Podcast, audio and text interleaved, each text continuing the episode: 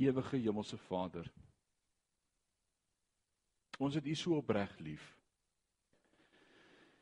En hoe meer ons met U woord besig is, hoe meer ons groei, hoe meer ons geestelik volwasse word en hoe meer ons in die woord sien en hoe meer ons verstaan, hoe meer verstaan ons daar so min wat ons weet. En dit is net so awesome om te mag leer en te mag groei. En ons het vir soveel jare gedink ons verstaan en ons weet en ons ken en elke dag besef ons net u woord is net amazing. U woord is awesome. Dis vir vandag, dis vir nou, dis vir ons. Dankie Heilige Gees van God dat U dit vir ons oopbreek. Dankie dat U so getrou is en hier is elke Sondag aand die woord sê wat twee of drie bymekaar kom, daar is ek in julle midde. Vanaand se gedeelte gaan vir ons sê hoekom is U in ons midde en dis net nog 'n groter blessing. Here, U is awesome. En as ons vanaand kom luister na U woord, elkeen van ons, dan wil ons ons oopstel en sê Vader, praat met my, praat met ons. Ons glo dat U vanaand met elkeen van ons wil praat. Ons glo dat U 'n woord het vir ons. Ons glo dat U 'n boodskap het vir ons. Dis hoekom ons hier is. Daar's geloof in ons harte. En die woord sê U sal ons nooit teleurstel nie. Dankie dat U met ons werk. Aan U vanaand al die lof en al die eer en al die aanbidding van ons harte is ons gebed in Jesus naam. Amen. Amen. Amen. Jackie, wys vir my die offerande mandjies. Kom ons stuur hulle gou om. Was hulle al nog nie omgewees nie? Baie baie baie dankie. Ons moet dalk 'n ander plan maak met die mandjies. Hulle sommer daar by die deure sit en soos jy inkom, kan jy vir jou klein geld vat.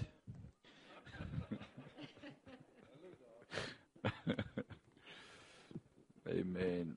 As jy nie vanaand koffie gekry het nie, ek vra nederig om verskoning. Dit lyk vir my ons maak te min. Ons sal van volgende week af meer maak. Maar dit is die lekkerste koffie in Parys. Dis hoekom dit so gewild is. So ons sal volgende week sorg dat daar meer is.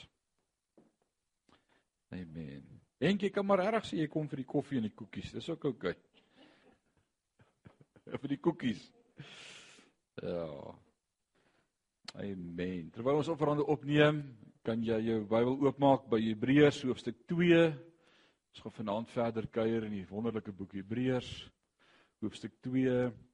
As jy nou eers inskakel by woordskool of nou eers begin en jy het hoofstuk 1 gemis sover met 2, alles is beskikbaar op SoundCloud. Gaan na SoundCloud toe, dis 'n toep of 'n wat is 'n toep? Nou, hulle noem dit 'n toep of 'n app op jou selfoon.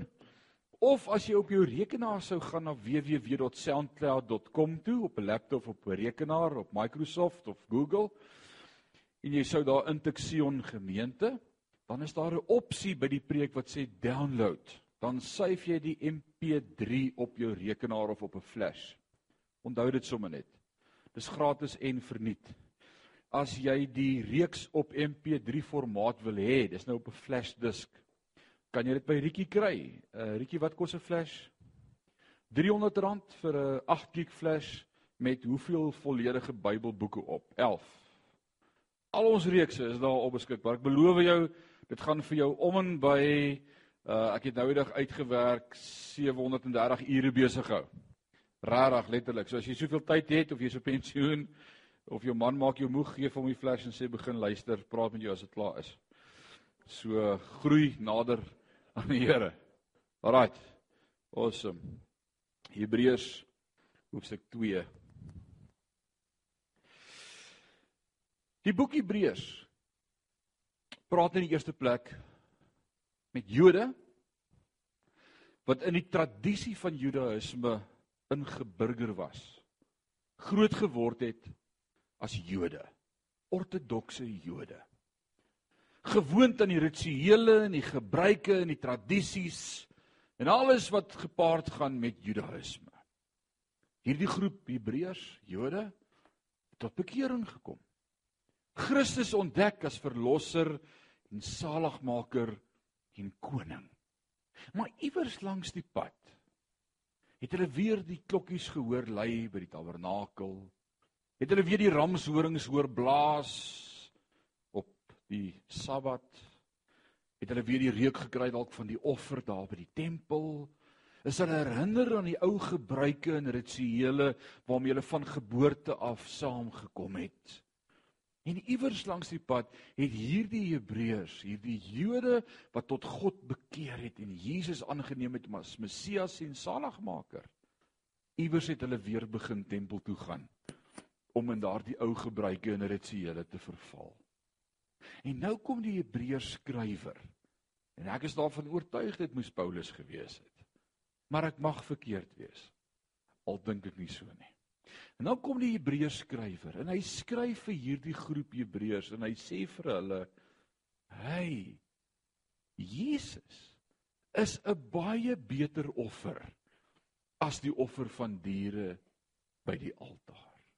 Hy's 'n baie beter hoëpriester as die hoëpriester by die Jode, by die tempel. Hierdie ou by die tempel kan net een keer 'n jaar ingaan om een keer te offer en as daar sonde in sy lewe was, sou hy onmiddellik sterf.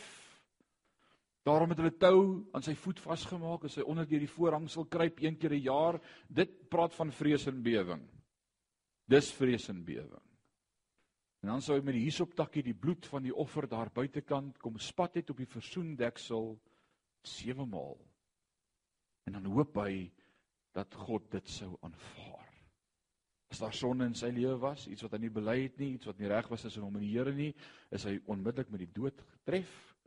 Sou daardie klokkies onder aan sy rok, 'n granaat, 'n klokkie, 'n granaat, 'n klokkie, ophou lui het en sou hulle gehoor het, daar's nou 'n stilte en sou hulle hom aan die tou aan sy been uittrek onder deur die voorhangsel.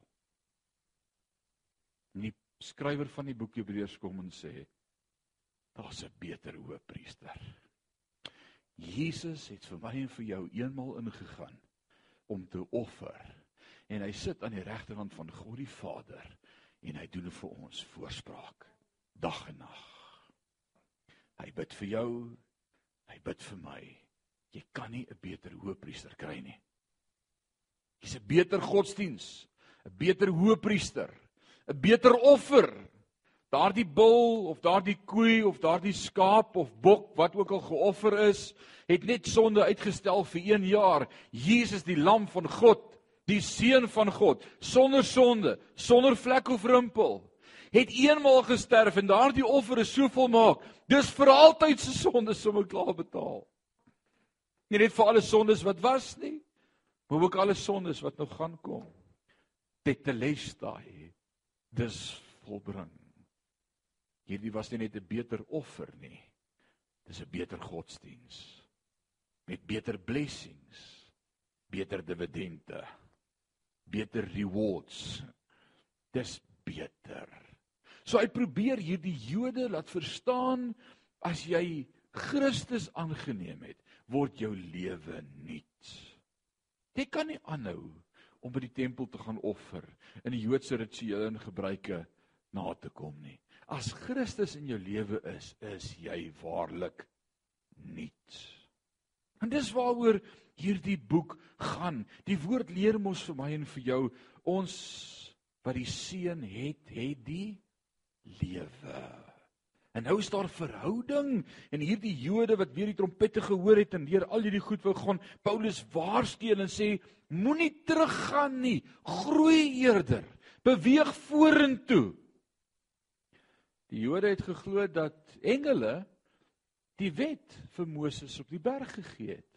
En omdat die engele aan Moses die wet op die berg gegee het, en Stefanus praat self daarvan in sy preek en Handelinge van die engele wat die wet gegee het, dis hoekom die Jode die engele so gehoog geplaas het en en en absoluut veraf God het amper as te ware. En nou kom die Hebreërs skrywer in hoofstuk 1 vanaf vers 5 tot die einde en hy sê Van tevore het God deur die wet gepraat en God het deur die profete gepraat, maar in hierdie dae praat God deur Jesus Christus sy seun. En weet jy wat Jesus Christus sy seun is nie net 'n Messias gewees nie. Hy was nie net 'n seun van God nie. Hy's tot hoër as die engele. En dis waaroor hoofstuk 1 gegaan het om te sê God gebruik engele? Ja, maar God is nog groter. Jesus is nog groter.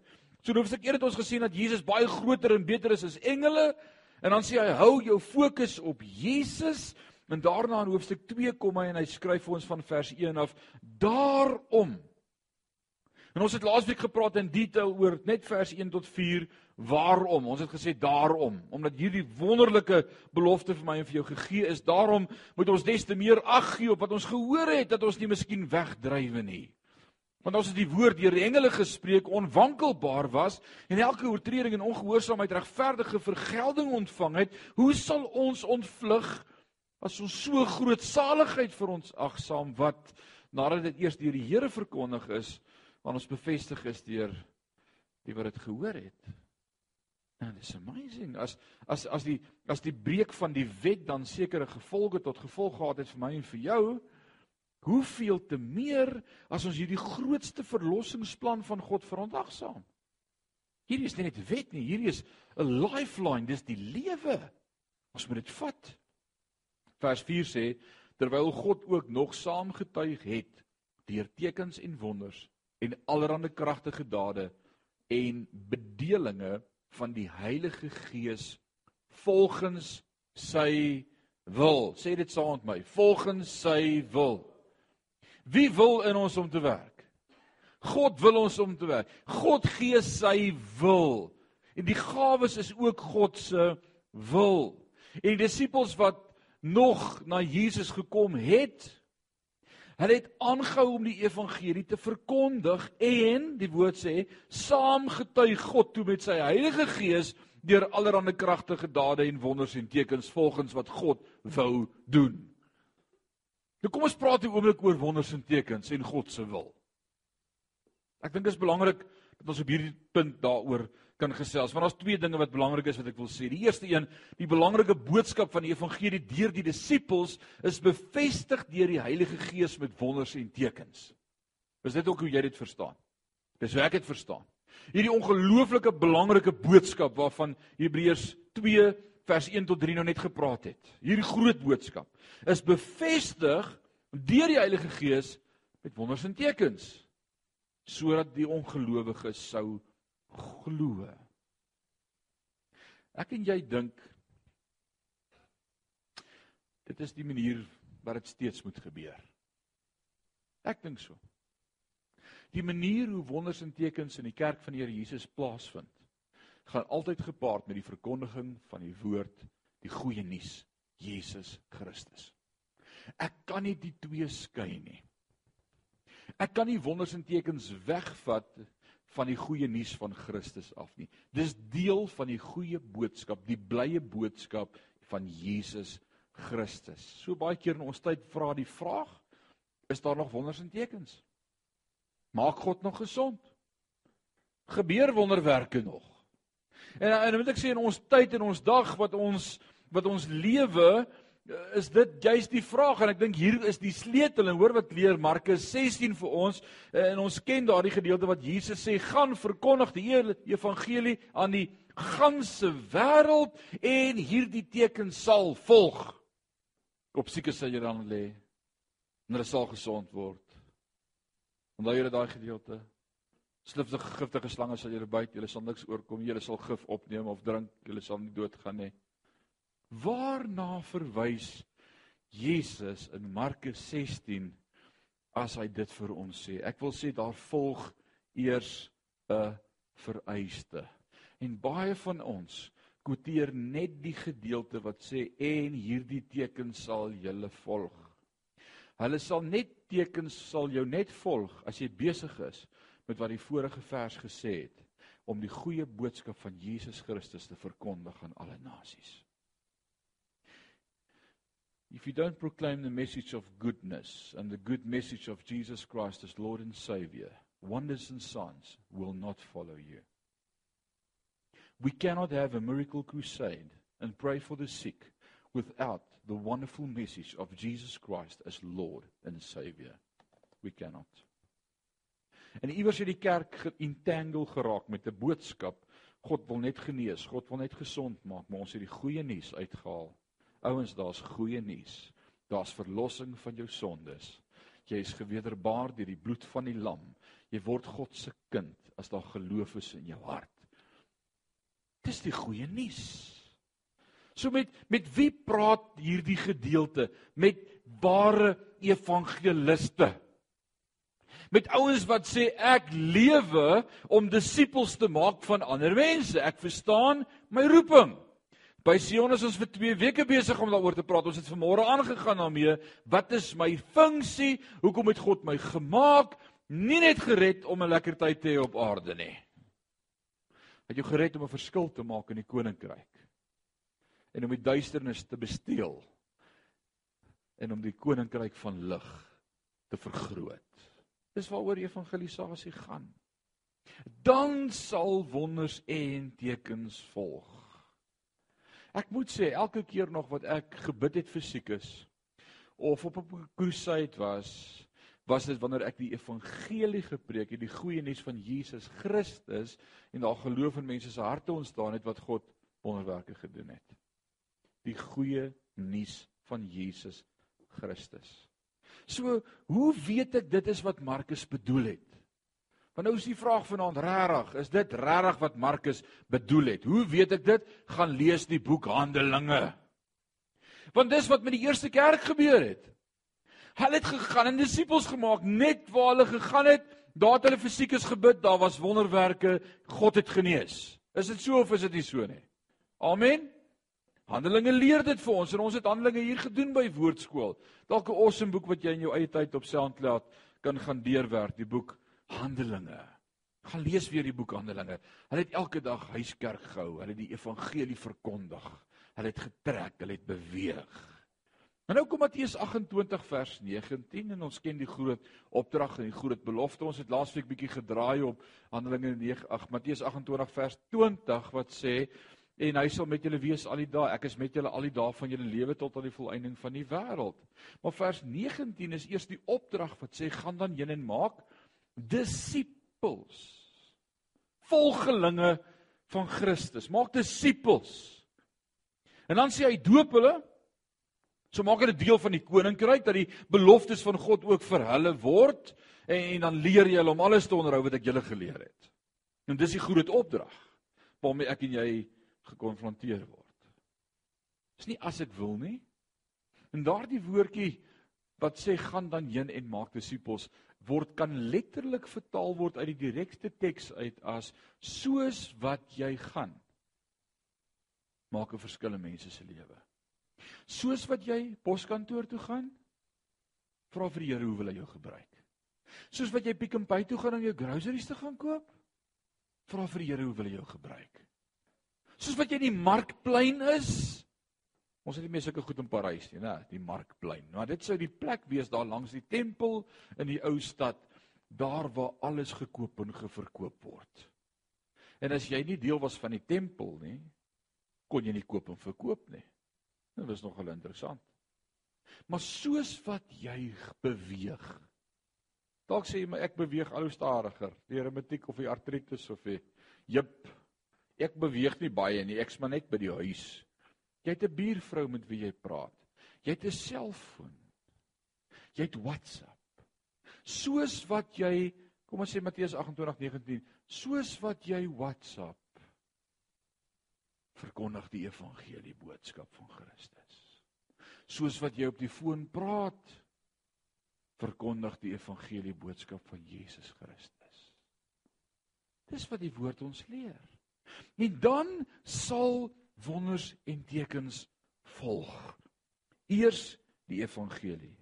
Wanneer jy uh jou op 'n plek plaas waar die evangelie verkondig word, sal daar tekens wees. Dis nie 'n wonders en tekens konferensie sonder die evangelie. Die evangelie is die belangrikste. Let ook oop. Hierdie gawes was van die Heilige Gees. Jy het nie die gift nie. Die Heilige Gees is die gift. Alraight. Die gawe kom van die Heilige Gees af en hy gebruik dit wanneer hy wil, soos hy wil. Wie van julle kan vanaand getuig dat die gawe van genesing al deur jou geopereer het? Steek gou jou hand op. Awesome. My hand is in die lug. Beteken dit dat vir almal wat ek gebid het gesond geword het? Nee. Want wie wil? Wie gee die gawe? Die Heilige Gees. Is dit my issue om te sê was dit nou my ongeloof of sy ongeloof of ons ongeloof is of uh, hoekom het die uh, God maak gesond wie hy wil. Alraight. Dis hoe hy werk. En dis wat hierdie teks vir my kom sê is die gawe is van die Heilige Gees af en allerlei kragtige dade en bedieninge van die Heilige Gees volgens sy wil. God gee wat hy wil soos hy wil. Hulle kon nie doen wat hulle wou nie. Let mooi daarop. Maar hulle was bekragtig deur die Heilige Gees om getuies te wees. Nou kom vers 5 Hebreërs 2 en hy sê: Want aan die engele het hy die toekomstige wêreld waarvan ons spreek nie onderwerp nie. Wat beteken dit? Wat beteken hy dat hy nie die toekomstige wêreld aan die engele onderwerp het nie? As jy die boek Openbaring saam met my gedoen het hier by Woordskool, 40 weke in Openbaring. Watter engel gaan aan die einde van die tyd in beheer wees van die aarde? Wat is sy engelse naam? Wie kan onthou? Ek hoop julle raai name nie want daar's nie 'n engel wat in beheer gaan wees van die wêreld nie. Dis 'n trick question. Alraight. Dis is 'n mure ontslag as jy verkeerd antwoord op daai ene. Nee ouens, geen engel gaan ooit in beheer wees van God se skepping nie. En dan probeer hy vir hierdie Jode sê, julle maak so baie van engele en op hemel van engele, het God sy heelal aan engele toe vertrou? Daar's nie 'n manier nie. Maar 1 Korintiërs 6 leer vir my en vir jou as Paulus skryf. En dan sê hy, die einde van tyd gaan ek en jy die engele oordeel. Het jy dit al gelees? Gaan lees dit vanaand. 6. Ek en jy die engele oordeel. Hoe gaan dit werk? Ek weet nie, kom terug as ons 1 Korintiërs doen. Maar dit sê vir my dat God self sy engele onderwerp aan die einde van die skepping aan ons. And it's amazing. Dis amazing. Wat beteken dit? Ek weet nie, maar kyk wat sê hy nou. Want dit laat jou nou 'n bietjie begin dink en nou quoteer hy Dawid wat skryf in Psalm 8 en hy quoteer vers 4, 5 en 6 en dan sê hy die volgende in Hebreërs 2 vers 6, 7 en 8. Hy sê: "Maar iemand het eers getuig en gesê." Dis 'n mooi begin vir as jy skrif quote. Wat sê jy Johan? Jy hoef jou nie slim te hou en sê ja, maar daar staan in Psalm 8 vers 6 geskryf, Dawid skryf en hy's aan die woord en hy sê die volgende nie. Hierdie skrywer sê maak nie saak wie dit gesê het nie, glo my dis in die Bybel. Ek sê vanaand vir jou waar dit is en hy sê dis in Psalm 8 vers 4. Hoor wat sê hy? Wat is die mens dat jy aan hom dink? O, is mooi. Of die mense kind dat jy hom besoek? U het hom weinig, u het hom 'n weinig minder as die engele gemaak met heerlikheid en eer het u hom gekroon en en hom oor die werke van die hande aangestel. Alle dinge het u onder sy voete gestel. Want in die onderwerping van alle dinge aan hom het hy niks uitgesonder wat aan hom nie onderwerpe is nie. Tot die engele sê 1 Korintiërs 6, né? Maar nou sien ons nog nie dat alle dinge onderwerpe is nie. God het dit God het die mens gemaak dat alles aan hom sal submit tot die engele eendag sê Paulus vir ons. Maar dan sê die skrywer maar ek sien dit nog nie nou nie. sien jy dit al nou? Nee, ek sien dit nog nie nou nie. Alles onderwerp nog nie aan die mens. Die Dawid was een aand in die veld onder die sterre besig om na sy skapies te kyk. En hy lê dalk daardie aand in in sy slaapsakkie. en hy's bewus van die grootheid van God en hy kyk op na die hemelruim wat skitter met sterre in die veld daar in die ooste. En ek wil vir jou sê as jy al in Israel was in die nag en jy sou uitstap en na die sterre kyk, dis beautiful. Dis beautiful. Rarig. Dis soos wanneer jy hier in die Karoo is, Andrei. Daai sterre is net soos hier by jou. Dis net amazing mooi. En wat besef hy daardie aand toe hy daar buite is? Hy sê wanneer ek u handewerk aanskou. Wat is die mens wat jy aan my dink? Here, ek is so klein. kyk hierdie miljoene sterre en liggies en wat is ek dat U aan my dink? Nou as was jy buite in die veld of buite in die aand 'n bietjie uitgekyk na die sterre, net so draaitjie gaan loop. En jy is agter jou elektriese heining en toegesluit en die hond wil jou opvreet as jy by die deur uit gaan en sit voor die TV. Doen net so 'n bietjie moeite om kom uit. Kom net uit na dit wat God gemaak het. Ons is so kluisenaars in opgesluit in ons eie wonings. Dat ons niks meer van God se skepping beleef en ervaar nie. Wie kan sê amen? Ons is victims. En dis ons eie skuld. God het ons nie gees van vreesagtigheid gegee nie, man. Maak baie keer daai tralie hek oop en stap uit, sit die alarm af. Waag dit. Ek deer jou waag dit. En kyk net bietjie op na die sterre en sê hoe groot is God, hoe groot is God. Dawid is net so bewus van die grootheid van die Here. Ons ruimte, die Melkweg, die bekende sterrestelsel van ons gedeeltetjie is 100 000 ligjare lank. So groot is. 100 000 ligjare. Wat beteken 100 000 ligjare? As jy teen die spoed van lig sou ry. Wat is die spoed van lig? Wie weet wat is die spoed van lig? 186000 myl per sekonde. Kom ek help vir jou in die nuwe terme, dis 299792 km per sekond. Dis die spoed van lig waarteen lig trek. 299792 km per sekonde. As jy vir 100 000 jaar sou ry teen 299792 km per sekond. Dit gee vir jou 1 biljoen 79 miljoen 252848 km per uur. Vir 100 000 jaar lank gaan jy aan die ander kant van ons sterrestelsel uitkom. Net ons sterrestelsel. So groot hy is. Net ons sterrestelsel. Dis awesome. Maar wag. Daar's 100 000 biljoen ligjare in sterrestelsels. Daar's wat nog nie eens ontdek is nie sterrestelsels waarvan ons een is.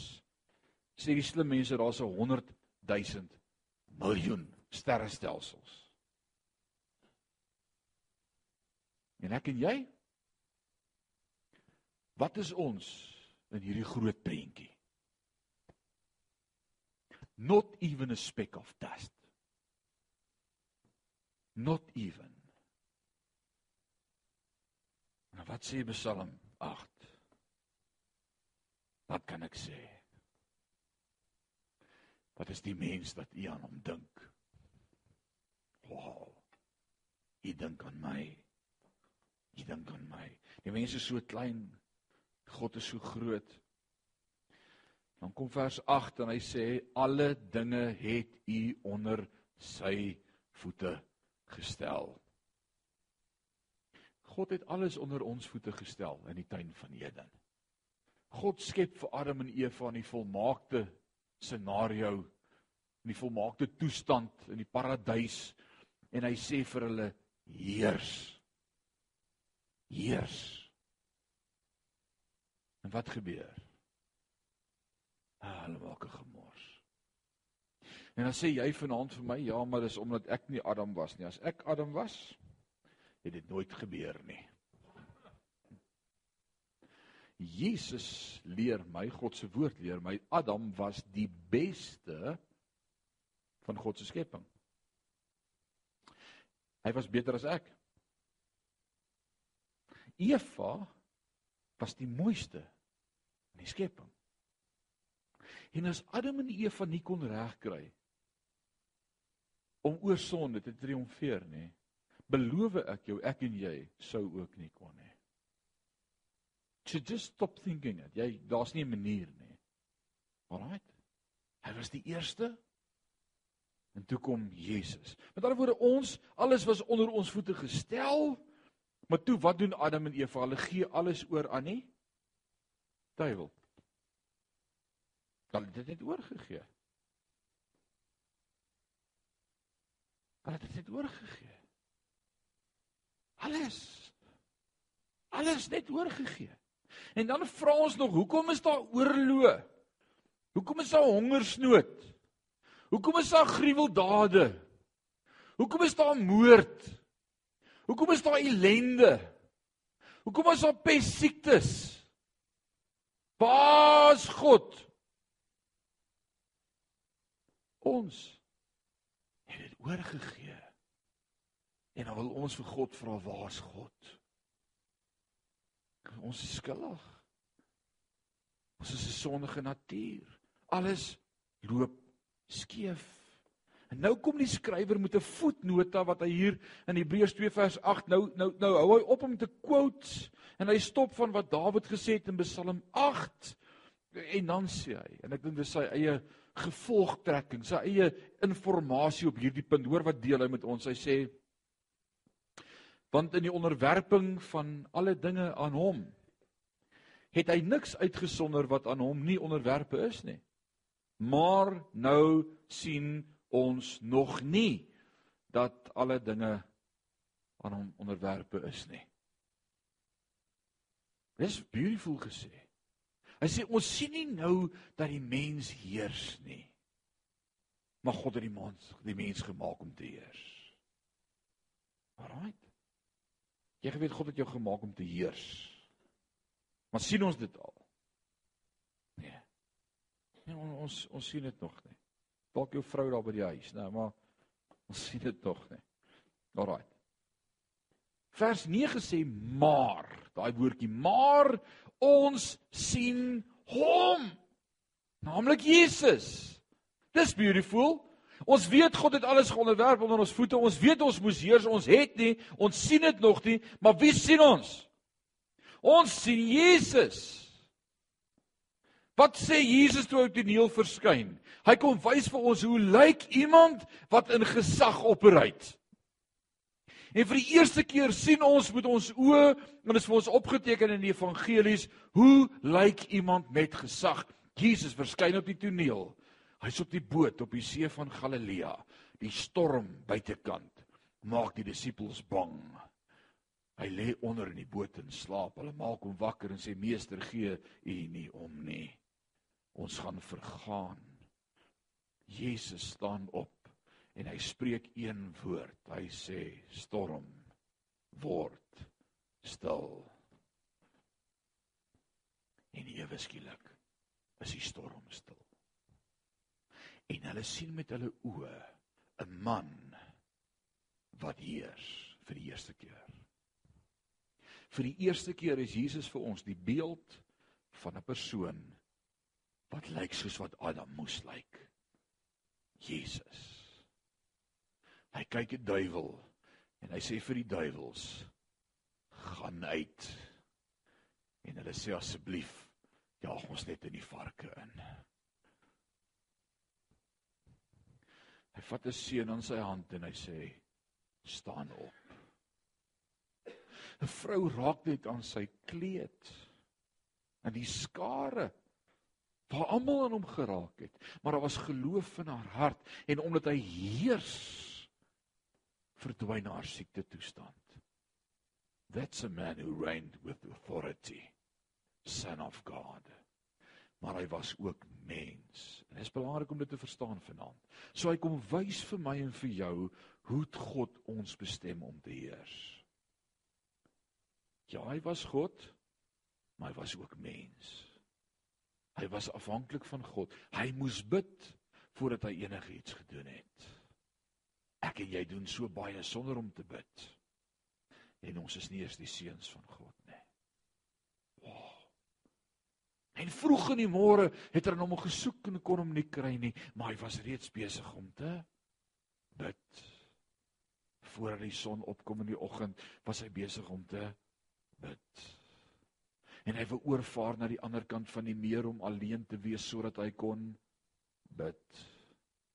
Jesus was 'n bidder. En ek wil vir jou sê wanneer ek en jy op hierdie aarde wat onderwerp is aan sonde en onder die heerskappy van Satan wil regeer en wil loop in die autoriteit van God die Vader bid. Daar's krag in gebed. Jy kan dit nie in jou eie krag doen nie. Die woord sê so mooi in die Ou Testament vir ons, hy sê nie deur krag of deur geweld, maar deur my gees, so spreek die Here. Jesus het geopereer in 'n geestesdimensie van krag. Die duiwels het hulle onderwerp aan hom. Hy het geregeer tot die einde toe. En hy was vir ons die voorbeeld gewees. En nou kom Hebreërs skrywer en hy sê in vers 9: "Maar ons sien hom, naamlik Jesus, wat vir 'n kort tydjie minder as die engele gemaak was. He became flesh." Johannes 1 sê in die begin was God en die woord was by God en die woord het vlees geword en onder ons kom woon, tabernakel, tent opslaan. Jesus het tent opgeslaan, die menslike vorm aangeneem. Nou sê die Hebreërs skrywer wat vir 'n kort tydjie minder as die engele gemaak is vir 33 jaar om presies te wees. Vanweë die lyde van die dood met heerlikheid en eer gekroon sodat sê saam met my sodat sodat hy deur die genade van God vir elkeen sê elkeen die dood sou smaak. Dani, wat dit beteken is God het namens jou, Jesus het klaar namens jou die dood geproe en die prys betaal sodat jy kan lewe en nie geestelik meer dood is nie. Jesus paid it all. All to him I owe. Julle lyk vreeslik opgewonde daaroor. Ek is so bly, julle lyk so bly. Dis amazing. Hy het namens jou klaar die prys betaal. Hy het namens elkeen van ons reeds die dood geproe sodat ek en jy kan lewe. Die vraag is vanaand: lewe jy? Lewe jy in God se volheid? Lewe jy in sy krag en autoriteit? Staan jy in 'n gebedsverhouding met God? Is jy die mens wat God jou geroep het om te wees? of idle jy en wil net huis toe gaan om by liewe Jesus te wees. Alraai, kom ek gaan aan. Ek het my antwoord gekry. Goed. Alraai. Wat beteken dit? Sodat hy deur die genade van God vir elkeen die dood sou smaak. Kom ek verduidelik dit vir jou meer eenvoudig. In die Ou Testament leer ons dat daar 'n gebruik was by die Jode en by Joodse konings en en so ook by ander konings van koninkryke dat elke koning 'n wynskinker sou hê. Wat was die funksie of die werk van die skinker gewees? Was dit 'n baarman? Nee. Ek party van ons het 'n verkeerde persepsie van wat die skinker was. Dit was nie die baarman nie. Hy moes nie sy glas optop die hele tyd en volhou nie. Die funksie van die skinker was om eers aan die wyn te proe en te drink sodat as daar gif in was, dit nie die koning sal vergiftig nie, maar die wyn hierdie ou, die wine bearer, the cup bearer sou omkom en sterf sodat die koning kon lewe. Dit was sy funksie. So he lived to give his life. Nee, dis wat is dit nou vir 'n lewe? Willie, sal jy so 'n job like? Hæ? Die vrou sê ek gaan werk toe, weet nie of ek vanaand gaan sien nie. Maar dis elke dag se storie. Dis dis the story of my life. OK. So sy funksie was om die beker te neem, die wyn in te gooi en dan eerste van die wyn te drink En dan die koning hom dopgehou en as hy niks oorkom nie, dan sê die koning nou gooi vir my ook in. Dis sy funksie gewees. Jesus sê ek het vir jou daai beker gedrink. En ek het die dood geproe. En ek het gesterf sodat jy nie hoef te sterf nie. Oh man. Jy jy vang dit nog nie. Jy jy het dit nog nie gekry nie. Dink daaroor, dink gerouer is beswoor graad. Jesus het vir my en vir jou die beker gedrink en gesterf aan die kruis sodat ek en jy nie hoef te sterf nie. Behalwe as jy wil en sê I'll do it my way. Amen. Jy hoef nie te sterf nie. Die goeie nuus is hy het reeds die beker geneem. Dit het sy lewe gekos. As jy vanaand huis toe ry in jou kar en jy's alleen of vanaand bid by die huis en jy maak tyd met God dan sê jy dankie dat u die beker gedrink het sodat ek kan lewe. Dis wat die nagmaal beteken. Sommige so by the way. As jy daai beker vat of daai kelkie dan sê dit ek het gesterf sodat jy nie hoef te sterf nie. Dis wat dit beteken. Alraait. Wat bid Jesus in die tuin van Getsemane daardie aand voor sy dood? Hoe weet ek dis wat dit beteken? Kom ons dink net verder, die evangelie. Wat bid Jesus daardie aand? Hy praat met die Vader in die tuin daar in Johannes 17, né? Waar hy bid. Hy sê vir die Vader: "Vader, ek weet as ek van hierdie beker, ek het nie lus vir hom nie.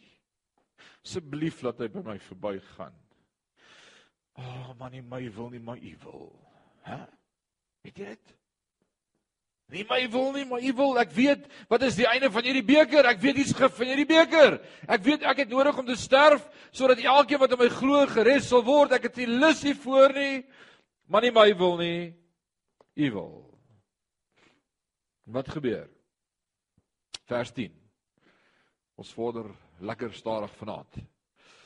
Want dit het hom betaam ter wille van wie alle dinge en deur wie alle dinge is as hy baie kinders na die heerlikheid wou bring om die bewerker van hulle saligheid deur lyde te volmaak. Daar was net een manier hoe God baie kinders na hom toe kon bring, is hy moes vir my die prys betaal. Jimmy Swaggart het jare terug daardie ou lied gesing when he was on the cross I was on his mind. Oh man, is dit nie beautiful nie? Toe hy op die kruis was, kon hy gesê het, "Vat my hier af. Ek het nie lus vir dit nie." Hy kon sy engele opdrag gee om in 1 sekonde hom te verwyder van die kruis af en almal te dood. Maar hy het aan my gedink.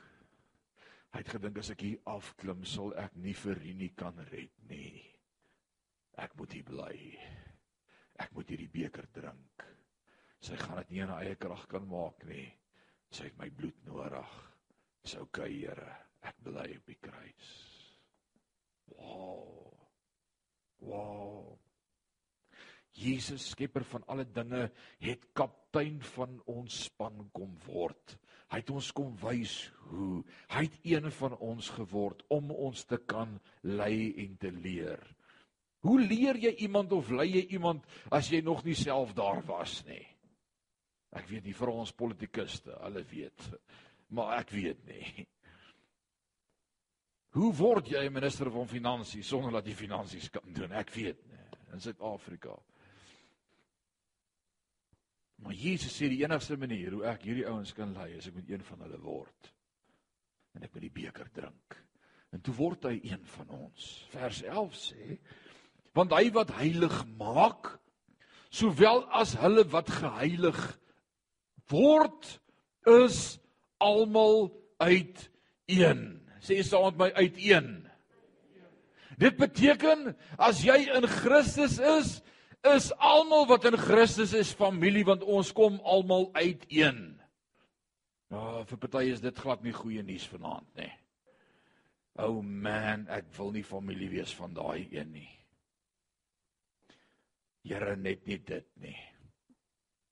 Wel sorry vir jou, maar as jy bely jy is lief vir die Here, dan is jy my familie. Kry vir jou. Alraai. Jy kan nie jou familie kies nie. Dis nou letterlik so. Om hierdie rede, omdat ons almal een is, sê die woord. Ons is almal uit Christus uit, almal deur hom geheilig, almal van ons is een. Daar's nie onderskeid nie, nie eers volke of tale of rasse of nasies verskil nie voor God dieselfde. Om hierdie rede skaam hy hom nie om hulle broeders te noem nie. Wow. Ronnie, he's calling you a brother. Wow. En susters. Kyk hierdie hierdie kerkstorie is heeltemal mekaar hoor. Hy praat met die gemeente as broeders en dan praat hy met ons as bruid van die Here. Veel deur mekaar. Maar jy moet iets verstaan van verhoudings, van jou posisie in Christus. Brethren, broers en susters. Hy's ons ou boet. Wow, hy's nie net daar ver nie. Hy's nie net God nie, maar hy's jou broer. Wow. Dis amazing. Alright. Hoor wat sê vers 12? En wanneer hy sê en nou quote hy weer uit die Ou Testament uit en iemand het my hierdie week so mooi tereggewys op 'n op my disleksie wat so manifesteer. Ek moet die psalms reg neerskryf as ek dit doen en baie jammer vir daai psalm laasweek. Uh watter versie was dit gewees wat ek verkeerd gehad het laasweek? Psalm 97 het ek geskryf Ek het 79 geskryf en dit moes 97 gewees het. Alraai, dis nou daai omruil. Maar so hierdie een het ek reg. Dis Psalm 22 vers 23. En hoor wat sê Psalm 22 vers 23. Ek sal u naam aan my broeders verkondig in die middel van die gemeente sal ek u prys. Dis pragtig, né? Psalm 22 vers 23. Nou die baie probleem met psalms en wanneer Ongelukkig kry jy nie Afrikaanse teologiese konkordansies nie. Jy kry nie goeie Afrikaanse konkordansies nie. Want as jy 'n Afrikaanse konkordansie kry, beloof ek jou daar's allerlei ander teologieë ingeskryf waarmee ons verskil. So ons wat ons glo rondom meeste van ons ouens is Engels gewees. Dan praat ek van Campbell Morgan en ek praat van Wiersbe. Dis dis manne na wie jy kan luister as dit kom by Bybelkommentaar. Corson, dis dis ouens na wie ons luister. So dis Engels. En die probleem met die psalms veral in vertaling. Juffrou Kokkie, jy moet nou mooi luister dat ek vir jou verduidelik wat gebeur. Is as jy in die Afrikaanse Bybel en in die Engelse Bybel dieselfde versie kyk, dan sien jy die Engelse Bybel is 'n vers vorentoe vir vers terug. Het jy al gesien? En die Engels is heel deur mekaar. Alraai. As dit jy heel deur mekaar. Julle souties. So dit maak dit moeilik. So as ek dit ek kan dit nie daar inskryf wat die konkordansie sê nie. Ek moet gaan lees in my Afrikaanse Bybel. Dis vers 23. Maar hoor, hier kom die blessing. En dis hoekom dit belangrik is vanaand. Hierdie een al hoor jy net dit vanaand. Hier, hierdie gaan jou bless. Stamp gou nie langs jy sê hierdie gaan jou bless. OK, hier kom dit. Sê hier is jou blessing. Hier kom dit. Die res het ek maar net gesê vir algemene inligting. Hier kom dit. Ek sal u naam aan my broeders verkondig. In die middel van die gemeente sal ek u prys. Nee, jy het dit nie. Ek gaan dit weer lees. Wie praat van wie en wie praat hier? Dawid het dit geskryf, dis 'n profesie, wie's aan die woord? Jesus praat.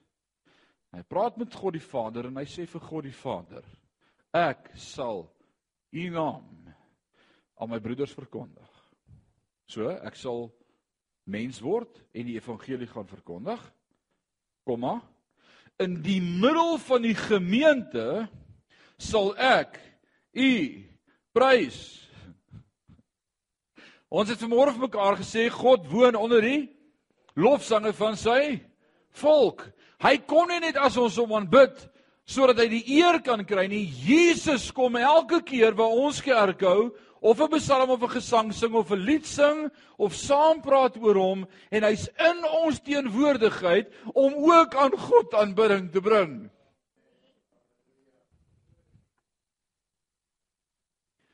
Nou verstaan jy iets van die lewe beter.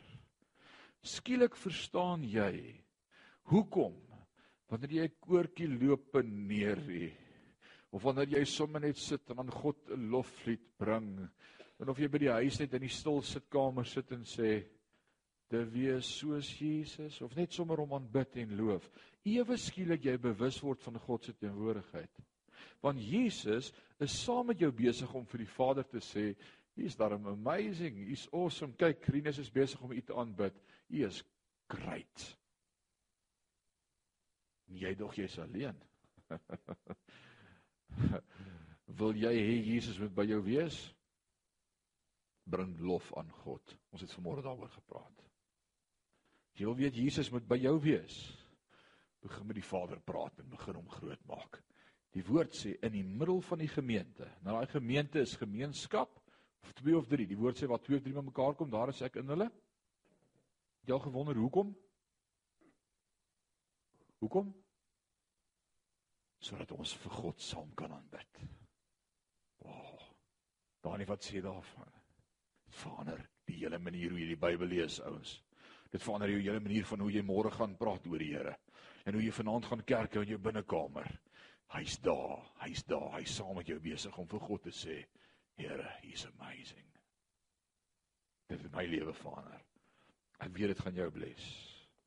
In die middel van die gemeente sal ek U prys. Jesus kies om saam met jou God te aanbid. Ek kan net sê, wow. Wow. Sou dit nie awesome wees as ons dit geglo het nie, daar nie. Dit sal jou lewe verander as jy dit glo. As jy môre hande vat by die ouete huis om te bid vir julle kos, dan bid julle nie net vir die kos nie. As jy dan die Vader die eer gee, is Jesus saam met hulle aan tafel besig om die Vader te vereer. Bid so lyntjie langer. Die kos kan weer warm gemaak word. Soos môreoggend voor ons begin werk by die werk, hande vat om net gou te bid en hierdie dag aan die Here op te dra. Kyk ons nie hoe vinnig kan ons hier deurkom nie. Ek is ewe skielik bewus as ek met God praat. Jesus is by ons besig om aan die Vader lof te bring. Dis baie meer intens. Dit verander jou lewe. Jy kan nie weer dieselfde bid nie. As jy vanaand kniel langs die bed om vir God te sê dankie vir hierdie dag, is Jesus by julle en hy sê Vader, word verheerlik. Verander jou binnekamer. Wow. Jesus dan die Beatrix.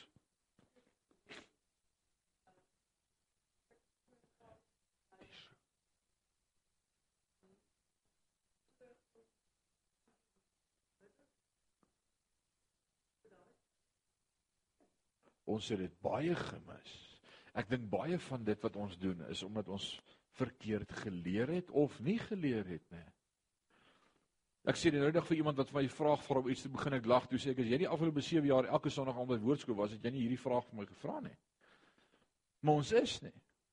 En ek raas nie vanaand nie, ek sê net uh, ons ons mis ons mis ongelooflik baie as ons nie hier is nie.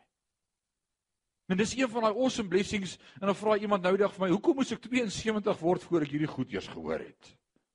Hoekom nou? Dit verander my lewe. Is nog altyd daar maar ek het dit nie verstaan nie. Niemand het dit nog ooit vir my gesê nie. En dis die awesome van die woord van God. Hou net aan, hou net aan, hou net aan. Hou net aan. Iewers gaan die Here dit vir jou oopmaak. Hou net aan. Maar wat vir jou sê as jy weer saam met iemand bid, gaan jy anders bid. Dis nie net Segen sop, segen segen Vader, segen sop, nê. Nee. Segen elke wurmkop. Nee, jy gaan anders bid. Alraait. En verder vers 13 van Hebreërs 2 en nou quote hy Psalm 91 vers 2. En wat sê hy in Psalm 91 vers 2? Ek sal my vertroue op Hom stel. Jesus sê, ek vertrou die Vader, so jy kan hom ook trust. Ek stel my vertroue op die Vader.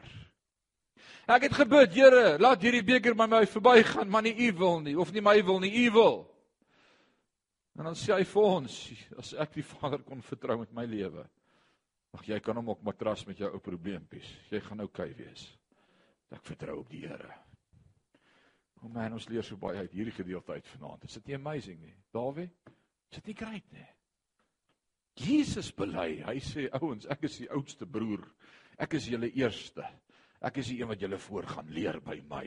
Dis is wanneer die ou boet vir die klein boet sê, dis hoe dit werk. Laat kom ek vertel vir jou. Ek het pa uitgefigure. Hæ? Kinders praat daar by die huis en dan sê ou boet vir klein boet, luister, ek sien jy verstaan nog nie hoe dit werk in die huis nie. Kom ek sê net vir jou hoe werk dit. Wel, luister gou wat sê Jesus vir my en vir jou.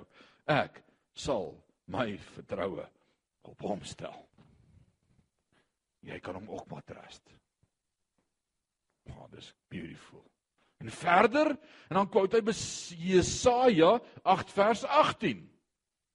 Tweede deel van vers 13, Jesaja 8:18. Hy sê: "Hier is ek en die kinders wat God my gegee het." In Johannes 17 bid Jesus daardie wonderlike gebed vir my en vir jou in die tuin van Getsemane, daardie laaste gebed vir my en vir jou wat Johannes 17 bid en dan sê hy ek bid nie net vir hierdie wat U my nou gegee het nie maar ook vir hulle wat al ver is wat nog sal inkom dat U hulle sal behoue bly. Almal wat U my gegee het dat nie een verlore mag gaan nie. OK hier kom die afdraaipad en ek gaan hom vat. Ek het dit nie voorberei nie maar dis 'n blessing. Weet jy wat dit beteken? As Jesus bid en almal wat daar ver is wat u aan my gegee het. Hulle is ver, hulle het nog nie gekom nie, maar hy het hulle klaar vir my gegee. Hulle is nog nie gebore nie, maar ek weet al wat hulle name. Efesiërs 1 sê: Geseënd is die God en Vader van ons Here Jesus Christus wat ons geseën het met alle seënings in die hemel en op aarde wat ons verordeneer het voor die grondlegging van die aarde het hy ons uitverkies. Wanneer God my en jou gered? Die dag toe jy, jy op jou knieë gaan en God aanroep. Nee. Voor die grondlegging van die aarde het God reeds geweet wie gaan hom aanroep. En dat hy reeds geweet jy gaan my kind wees en jou naam is geskryf in sy handpalms. En hy sê niks kan jy uit my hand uitdruk nie, jy's myne. Nee, pastoor, wat preek jy nou? Efesiërs 2 vers 7 en 8. Wat red ons? Ons is gered deur genade en nie deur ons werke nie, maar genade alleen. En geloof, hy sê ons is gered deur geloof. En dan sê hy en daardie geloof was 'n geskenk van God sodat niemand in die geloof kan roem nie. Sodat jy nie vir jou vrou of jou man kan sê, "Oeg, ek het tog geglo en jy het nie geglo nie." Dis ek wat so oulik was om te glo nie. Daardie glo was 'n geskenk van God. Het God aan jou gegee om te sê, "Glo." En God het voor die begin van tyd, voordat die fondasies van die aarde gelê is, reeds geweet as hy vir jou geloof gaan gee, sal jy reageer en glo en daarom het hy van die begin af geweet jy is sy kind voordat die aarde nog begin het. That is amazing. Waar kom ek daaraan? Lees jou Bybel en bid elke dag. Openbaring leer dit vir my. Openbaring 2 3 17 18 lees mooi wat daar staan. Hy sê almal wat se name van die begin van die grondlegging van die aarde af neergeskrywe is in die boek van die lam. Amen. Ons is weer verkeerd geleer. Ek is geleer as ek my hart vir liewe Jesus gee, skryf hy my naam in die boek van die lewe. Maar my naam is klaar in die boek. Wat sê dit dan nie? Ja. Ja. En hoe werk die uitverkiesing dan en as jy dit wil weet, kry gerus vir jou Efesiërs reeks Efesiërs 2 en 3 1 2 en 3 eintlik en is op SoundCloud daai tannie gaan vir jou mooi werk wys wys werk SoundCloud. En daar het ons vir 3 aande gepraat oor die uitverkiesing en wat dit beteken. En dis so awesome as jy dit verstaan want dit verander jou lewe. Dis nie van ek is tog gekies en jy nie. Bewe, dis nie wat dit beteken nie. Ooh. Ek is so bly het my kom kies. Ek is so bly hy het my ore oopgemaak deur te reageer toe hy my roep. Ek het gedog is ek wat kies, maar dit was nie ek nie, hy het my gekies. Dit verander my lewe. Verander my lewe. Ek het gedog dit was ek, maar dit was alles hy. En dis wat uitverkiesing beteken. Dat God voor die grondlegging van die aarde gereeds geweet het, as ek vir Jackie 'n mate van geloof gee, gaan sy glo. Sy gaan my kind word. Dis voorkennis. En omdat God alles weet van die begin af en alle tye gereël het voordat dit nog begin het, was dit nie vir God 'n verrassing toe jy hom aanroep en sy kind word nie. Hy het geweet jy gaan sy kind word. Met ander woorde, die teendeel van die muntstuk, is God het ook geweet wie sou hom nie aanneem nie en hy het nie hulle name neergeskryf nie. So beteken dit uitverkiesing is unfair? Nee, God is nooit unfair nie. As God fair wou wees, was ons name ook nie in die boek van die lewe geskryf nie, want ons is in sonde gebore en ontvang dit ontbreek ons aan sy heerlikheid. God is nie fair nie. Deur my te red was hy unfair want ek het dit nie verdien nie. Toets.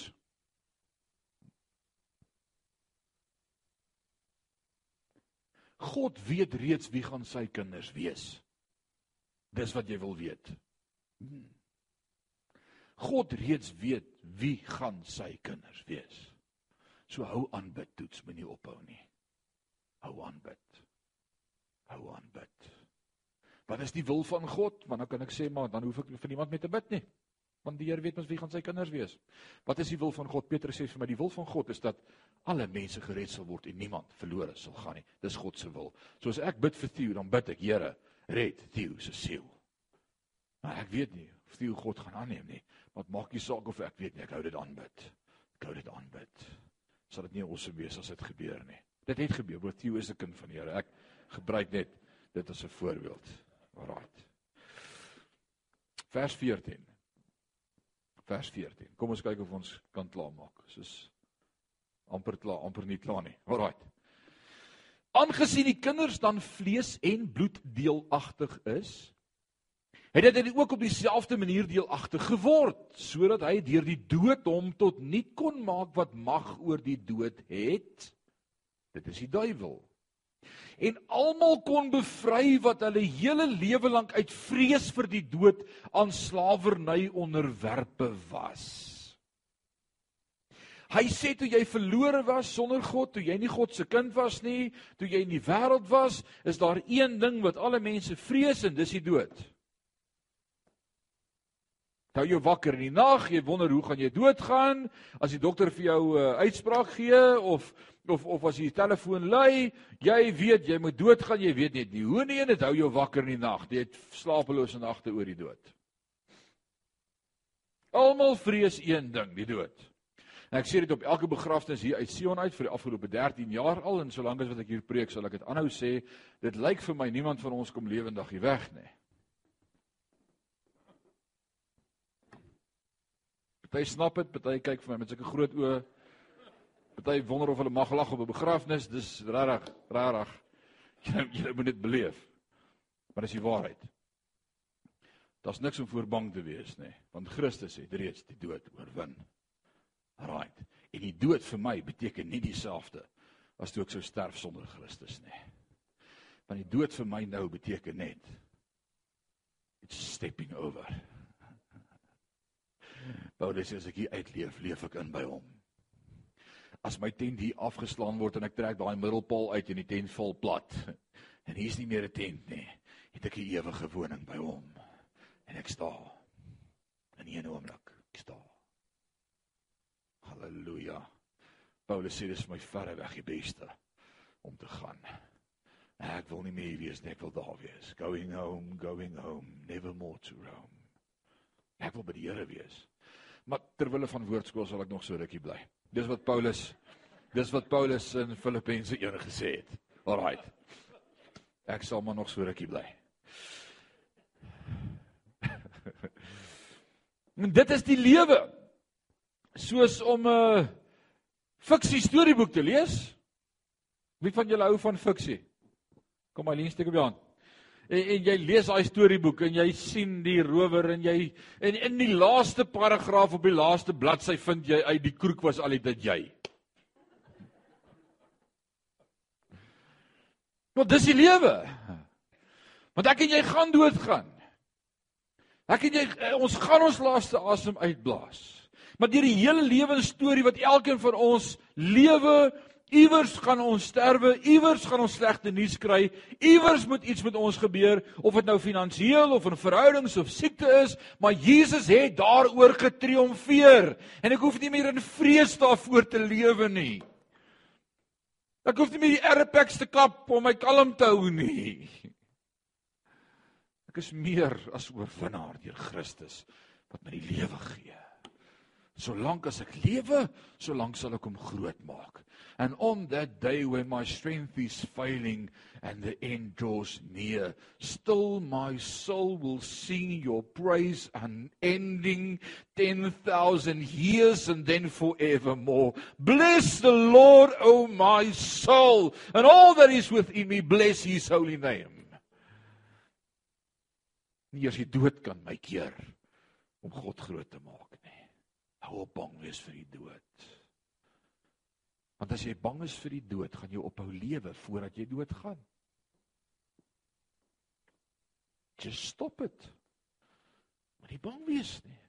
En dan die lewe my iets so ver geleer in my lewe, mens gaan nie so maklik dood nie. Hoeveel van julle het al gedink die einde is nou in sig? Kom aan, steek gou jou hand op. Nee, wees eerlik, jy mag nie lieg in die kerk nie. Steek op jou hand. Het gedink ek gaan hierdie nag nie sien nie. Hierdie ek gaan nie die son sien opkom nie. Hierdie pyn in my bors, my oorle ouma is so dood in my ma en ek gaan vanaand doodgaan. Kyk net net jy's nog steeds vanaand hier. Want die woord van die Here sê nie een haar sal van jou kop afval sonder dat God daarvan weet nie. As hy vir jou vra of jy eendag by jou lewe kan byvoeg beteken dit jy kan ook nie eendag daarvan wegvat nie. God is in beheer. Oh man, ek is nie in beheer nie. Ek is nie in beheer nie. Dis wanneer ek sing I'll do it my way dat ek dink ek is in beheer. Jy's nie in beheer nie. Vers 15 sê en almal kon bevry wat deur die hele lewe lank uit vrees vir die dood aan slawerny onderworpe was. Hoe het hy ons bevry? Justification. O, oh, dis 'n mooi woord. Wat beteken justification? Just as if I have never sinned. Deur te sterf vir my en vir jou. Kyk God die Vader vanaand na ons en hy sê hy, hy onthou nie Annetjie se sonde nie. Wat die Annetjie oud is jy nou? 55. 84. Alraai. Hy hy sê nie ek onthou vir Annetjie, maar eerlikheid, toe sy so na 40s was, was sy 'n rowwe girl en en en sy het daarom klomp nonsens aangejaag. Maar dit is okay, my seun het vir haar gesterf, maar maar jog, ek onthou al haar sondes nie. Justification beteken as God vanaand na jou kyk, sê hy sy het in haar lewe nog nooit sonde gedoen nie. Sy is geregverdig deur die bloed van die lam. Sy behoort aan my, sy's skoon, sy's vlekkeloos, is my kind. Op grond waarvan? op grond van jou geloof in Jesus Christus. By faith and faith alone. Dis wat dit beteken as ons daarso sê sola fide, faith alone. Dis net geloof in Jesus wat jou red. Nie werke nie. Geloof. En dan Dis in die huidige toestand, dis hoe ek en jy nou voor God lyk, gejustify en dan ons verlede is gereinig deur die bloed van die lam. Daar is nie 'n verlede nie. Daar is nie 'n verlede nie. En dit alles deur die dood van Jesus Christus. Kom ons lees die laaste 3 versies saam. Vers 16. Want waarlik, hy bekommer hom nie oor die engele nie, maar oor die geslag van Abraham bekommer hy hom. Daarom moes hy in alle opsigte aan sy broeders gelyk geword het sodat hy 'n barmhartige en getroue hoëpriester kon wees in die dinge wat in betrekking tot God staan om die sondes van die volk te versoen. Sê saam my barmhartige en getroue. O, oh, hy's 'n barmhartige en 'n getroue hoëpriester. Dis amazing. Want deurdat hy self onder versoeking gelei het, kan hy die help wat versoek word. Ah, oh, hy weet hoe jy voel. Hy weet waar jy gaan. Jy kan nie vanaand vir hom sê, Here, maar u verstaan nie. U is nie met my vrou getroud nie. Here, jy weet nie, jy ken nie my kinders nie. Jy weet nie hoe kwaai is my skoonma nie. Daar's niks wat jy vanaand vir hom kan sê wat hy nie meer medelee het nie. Hy verstaan hoe dit voel om in die hoek te wees en versoek te word. En hy sê hy met met jou medelee. Alraight. Hy's nie net jammer vir jou nie. Hy's saam met jou. Dis amazing. Hy's saam met jou. Beautiful. As ek nou dominee was het ek gesê amen. Amen. Kom ons staan dan bid ons saam. Kom ons staan en bid ons saam.